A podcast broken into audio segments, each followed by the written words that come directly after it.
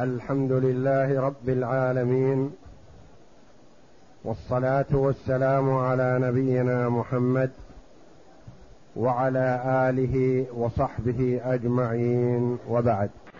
عرفنا فيما سبق أن الإخوة من الأب لا يستحقون شيئا مع الإخوة الأشقاء وإنما يعد الأخوة الأشقاء الإخوة من الأب على جدهم في باب الجد والإخوة ثم يأخذون ما بأيديهم إلا في أربع مسائل وتسمى الزيديات نسبة إلى زيد ابن ثابت الصحابي الجليل الأنصاري رضي الله عنه الذي قال عنه النبي صلى الله عليه وسلم أفرضكم زيد. أو كما قال صلى الله عليه وسلم في أربع مسائل يأخذ الإخوة لأب مع الأشقاء شيئا من الميراث. وذلك في مسائل محدودة. أربع مسائل ورثتها محدودون معينون. فالأولى تسمى العشرية والثانية تسمى العشرينية. والثالثة تسمى مختصرة زيد. والرابعة تسمى التسعينية. مرتبة حسب مصحها. عشرية وعشرينية. ومختصرة زيد لأنها تصح من أربع وخمسين. والتسعينية تصح من تسعين. وقد تقدمت لنا العشرية أنها جد وأخت شقيقة وأخ لأب. جد وأخت شقيقة وأخ لأب وتصح من عشرة. يقاسم الجد الأختين وتأخذ الأخت الشقيقة نصف المال. يقاسم الجد الأخت الشقيقة مع الأخ لأب. ثم تأخذ الأخت الشقيقة نصف المال فيبقى واحد للأخ لأب. وهذه العشرية. للجد أربعة. وللشقيقة خمسة. وللأخ لأب واحد. العشرينية قريبة منها. جد وشقيقة وأختين لأب. مصحها أصلها من خمسة وتصح من عشرين. تصح من عشرين. للجد ثمانية. مثل الأولى له أربعة من عشرة أو ثمانية من عشرين. وللشقيقة النصف خمسة من عشرة في الأولى وعشرة من عشرين في الثانية. ويبقى نصف واحد من عشرة وربع من عشرين. ثم تصحح فتأخذ كل واحدة من الأختين لأب واحد. الجد ثمانية وللشقيقة عشرة هذه ثمانية عشر ويبقى اثنان من العشرين لكل واحدة واحد. وهاتان المسألتان لا يشاركهم صاحب فرض. هم كلهم بمثابة التعصيب من عدد رؤوسهم مسألتهم. مختصرة زيد أصلها تعطى يكون معهم جدة أو أم.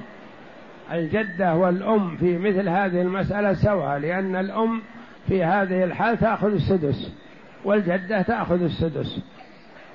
فجدة وجد وشقيقة وأخ لأب وأخت لأب.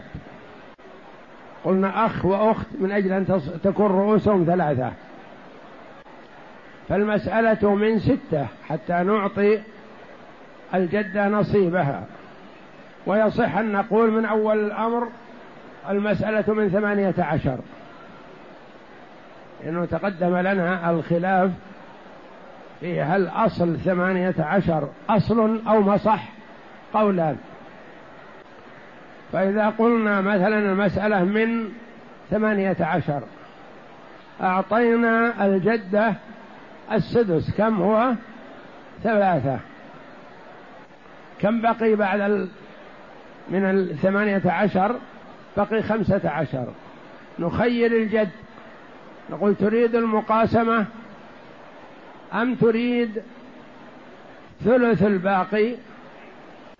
أتاك يستشيرك فأشرت عليه بثلث الباقي لأنه خير له من المقاسمة. فثلث الباقي خير له لأنهم أقل من نصفيه من من من مثليه. الإخوة مع أخ مع شقيقتهم الشقيقة مع الإخوة لأب أقل من مثليه فتكون المقاسمة خير له. بخلاف ما إذا صاروا مثليه أو أكثر فكونه يأخذ الثلث أو ثلث الباقي أو السدس على تفصيل في ذلك. فنقول المسألة من ستة. لو قلنا من ثمانية عشر يصح. من ثمانية عشر. أعطينا الجدة السدس ثلاثة. وأعطينا الجد ثلث الباقي. كم ثلث الباقي؟ كم الباقي؟ خمسة عشر. وثلثه خمسة. أعطيناه خمسة. بقي معنا كم؟ بقي معنا عشرة. الأخت تقول نصيبي في كتاب الله النصف. كم النصف؟ تسعة. يبقى واحد. الواحد هذا يكون للأخت الشقيق للأخت لأب والأخ لأب. رؤوسهم كم؟ ثلاثة. تضرب ثمانية عشر في ثلاثة فتصح من أربعة وخمسين ونعطيهم كما تقدم لنا. ويصح أن نقول المسألة من ستة. نعطي الجدة السدس واحد. ثم نقول ننظر رؤوس المجموعة. كم؟ الجد مع الأخت الشقيقة ثلاثة رؤوس والأخ لأب مع الأخت لأب ثلاثة رؤوس ستة. ستة تضرب في ستة. بتصح بستة وثلاثين.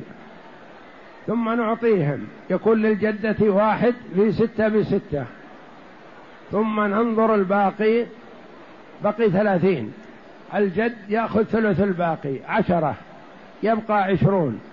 للأخت الشقيقة ثمانية عشر الذي هو النصف. ويبقى اثنان. ما تنقسم على الأخ والأخت لأب. فتضرب رؤوسهم مرة ثانية في المسألة فتصح من مئة وثمانية. ثم نقسم ثم نرجع المئة والثمانية إلى أربعة وخمسين. وكل هذا تقدم والحمد لله. معنا الآن التسعينية. أولا لما سميت بالتسعينية؟ لأن مصحها من تسعين. ولما سميت بالزيدية لأنها منسوبة إلى زيد بن ثابت الصحابي الجليل الأنصاري رضي الله عنه. وأركانها جدة أو أم يصح. وجد وشقيقة. واخ لاب واخ لاب وأخت لأب. أخوان لأب وأخت لأب.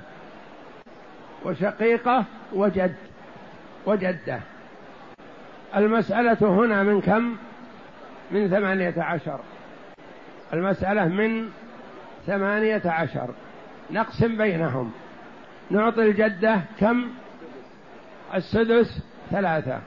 يبقى خمسة عشر. نخير الجد. نخير الجد بقي معنا خمسة عشر. تريد خمسة منها أو تريد تقاسم؟ يقول أعطوني خمسة وأمشي. فنعطيه خمسة. وهي تعتبر ثلث الباقي لأن الباقي خمسة عشر. الأخت نعطيها تسعة من ثمانية عشر النصف. كم يبقى؟ واحد. مثل التي سبقت. يبقى واحد. لكن هنا الرؤوس كم؟ أخوان لأب وأخت لأب. كم مجموع رؤوسهم؟ خمسة. لأن رأس الذكر برأسين والأنثى بواحد. فتكون خمسة. خمسة أنفار أفراد مقسوم بينهم واحد. نضرب الخمسة في الثمانية عشر. والخمسة تسمى هذه جزء السهم التي يضرب بها أصل المسألة ومصحها خمسة في ثمانية عشر. خمسة في ثمانية بأربعين. صفر. معنى أربعة. خمسة في واحد بخمسة. ومعنى أربعة تسعة. إذا صارت تسعين. نعطيهم. من له شيء من أصل المسألة؟ أخذه مضروبا في جزء سهمها. كم جزء سهمها؟ الخمسة. فالجدة لها ثلاثة. من أصل المسألة ثمانية عشر. مضروبة في خمسة فيكون لها خمسة عشر. خمسة عشر من تسعين. أو ثلاثة من ثمانية عشر. أو واحد من ستة. كلها واحد ما تختلف. الجد له خمسة من ثمانية عشر. خمسة مضروبة في خمسة فيجتمع له خمسة وعشرون. لو خمسة من ثمانية عشر أو خمسة وعشرون من تسعين هي هي ما تختلف. الأخت الشقيقة لها من الثمانية عشر تسعة مضروبة في خمسة اللي هي جزء السهم. خمسة في تسعة بخمسة وأربعين. لأن لها النصف. واحد من اثنين أو خمس وأربعين من تسعين سيان. ما تختلف. للإخوة لأب مع أختهم واحد. مضروبا في خمسة. فتصح ويكون نصيبهم واحد في خمسة بخمسة للذكر سهمان وللأنثى سهم. وهذه أصلها من ثمانية عشر ومصحها من تسعين وسميت بالتسعينية لهذا. ولا يتأتى أن تكون من ستة هذه لأن الجد سيكون له ثلث الباقي خير له من المقاسمة. لأنهم أكثر من مثليه أخوان لأب, لأب وأخت لأب وأخت شقيقة مجموعهم مجموع رؤوسهم ستة. وكونه يأخذ الباقي أحظ له. يأخذ خمسة من ثمانية عشر. وإن أخذ السدس أخذ ثلاثة من ثمانية عشر وهو قليل. وإن قاسم فكذلك يقاسم ستة تقسم عليها خمسة عشر ما يكمل له ما يأخذه بعدم المقاسمة. أخذه ثلث الباقي خير له في الحالين. اقرأ. الرابعة التسعينية. وهي جدة وجد وأخت شقيقة وأخوان وأخت لأب.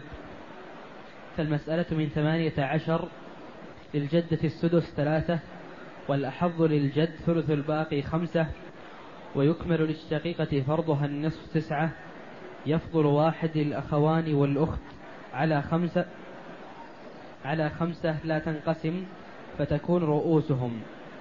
وهي هي جزء السهم نضربها في أصل المسألة ثمانية عشر فتبلغ تسعين فنقسم للجدة السدس ثلاثة مضروبة في خمسة بخمسة, بخمسة عشر. وللجد خمسة مضروبة في خمسة بخمسة وعشرين والشقيقة تسعة في خمسة بخمسة وأربعين ولهم واحد في خمسة بخمسة للذكر اثنان وللأنثى واحد. وكذلك ما تضاعف فيما بعد ما زاد عن التسعين ممكن لكن هذا هو الوارد.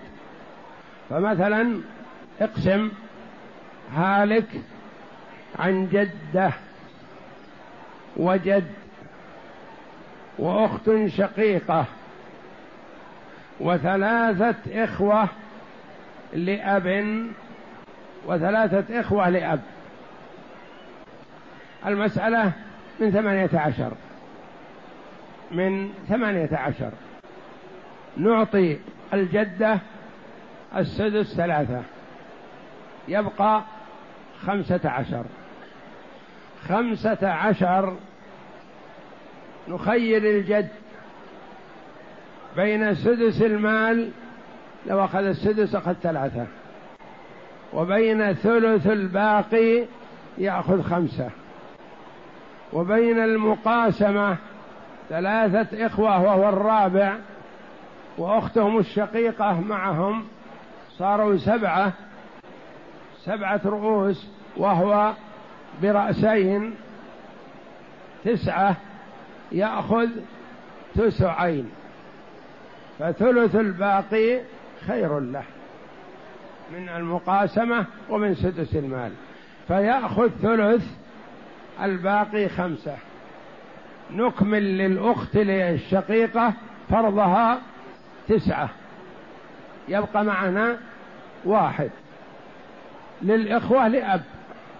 رؤوسهم كم؟ ستة. ستة في ثمانية عشر. ستة في ثمانية عشر. ستة في ثمانية ثمان وأربعين. ثمانية معنى أربعة. ستة في واحد بستة معنى واحد. صارت بمثابة مئة وأربعة. مئة وثمانية. مئة وثمانية.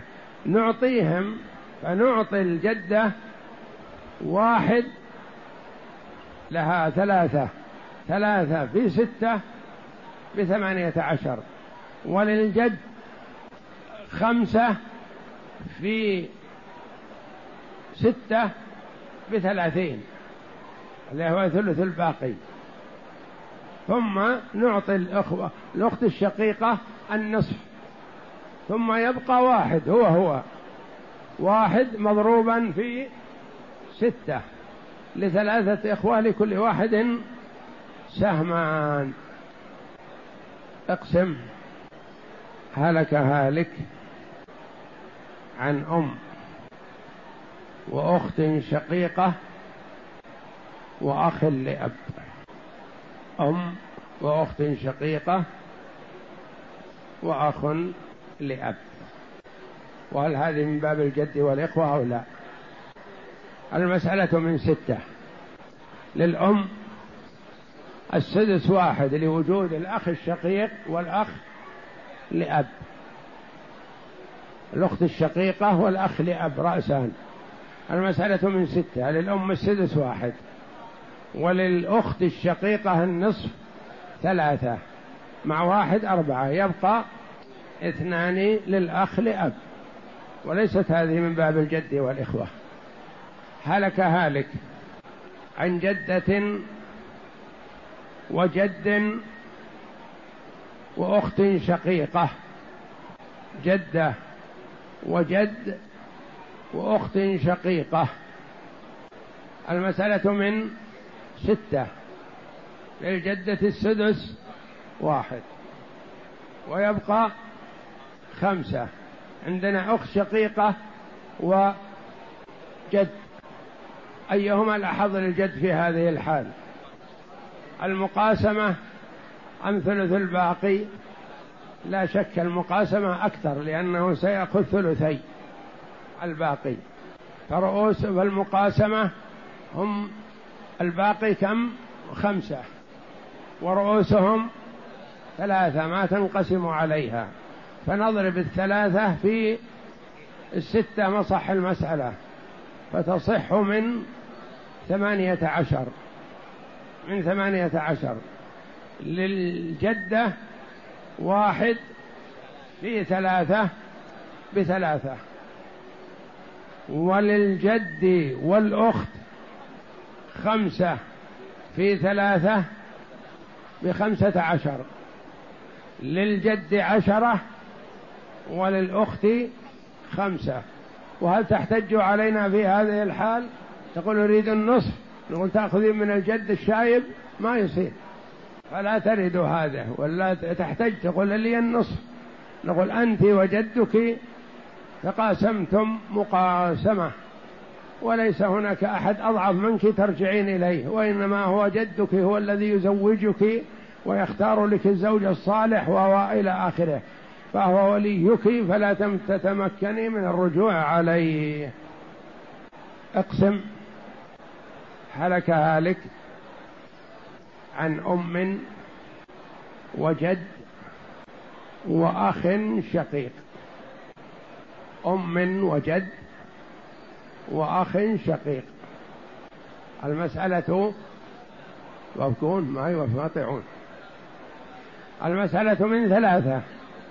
للأم الثلث واحد ويبقى اثنان مقاسمة بين الجد والأخ الشقيق. وهنا ما يؤثر الجد على الأم ما يحجبها من الثلث إلى السدس. وإنما هو يعد بالمعادة مع الإخوة عاصب لكن ما يؤثر على الأم في حجبها من الثلث إلى السدس.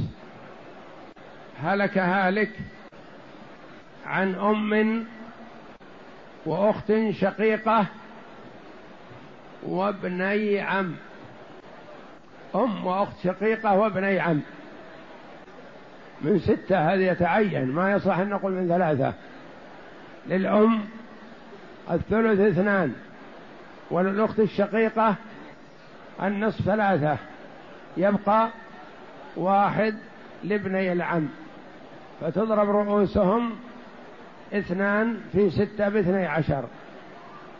فيأخذ الجد تأخذ الأم اثنين في اثنين بأربعة.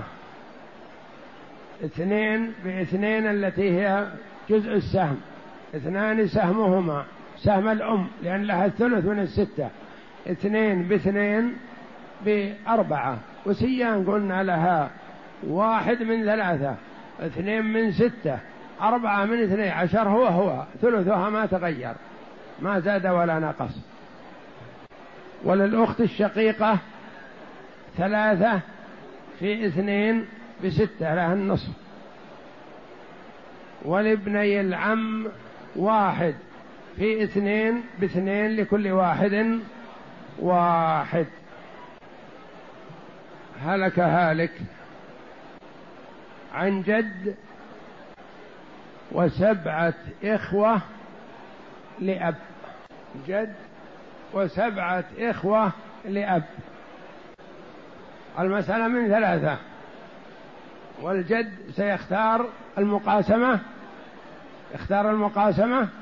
لا. سيختار الثلث. فيأخذ الثلث واحد. وتبقى الاثنان للسبعة. ما تنقسم عليهم رؤوسهم سبعة تضرب السبعة في ثلاثة أصل المسألة فتصح من واحد وعشرين. للجد سبعة ولهم أربعة عشر لكل واحد منهم اثنان. هلك هالك عن جد وأختين شقيقتين وثلاثة إخوة لأب جد وأختين شقيقتين انتبه. وثلاثة إخوة لأب. المسألة من ثلاثة لأننا سنخير الجد. ننظر عندنا جد وأختين شقيقتين وعندنا إخوة لأب. المسألة من ثلاثة أو من عدد رؤوسهم. عدد رؤوسهم كم؟ تسعة.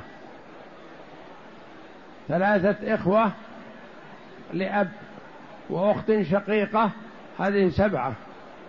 والجد برأسين تسعة.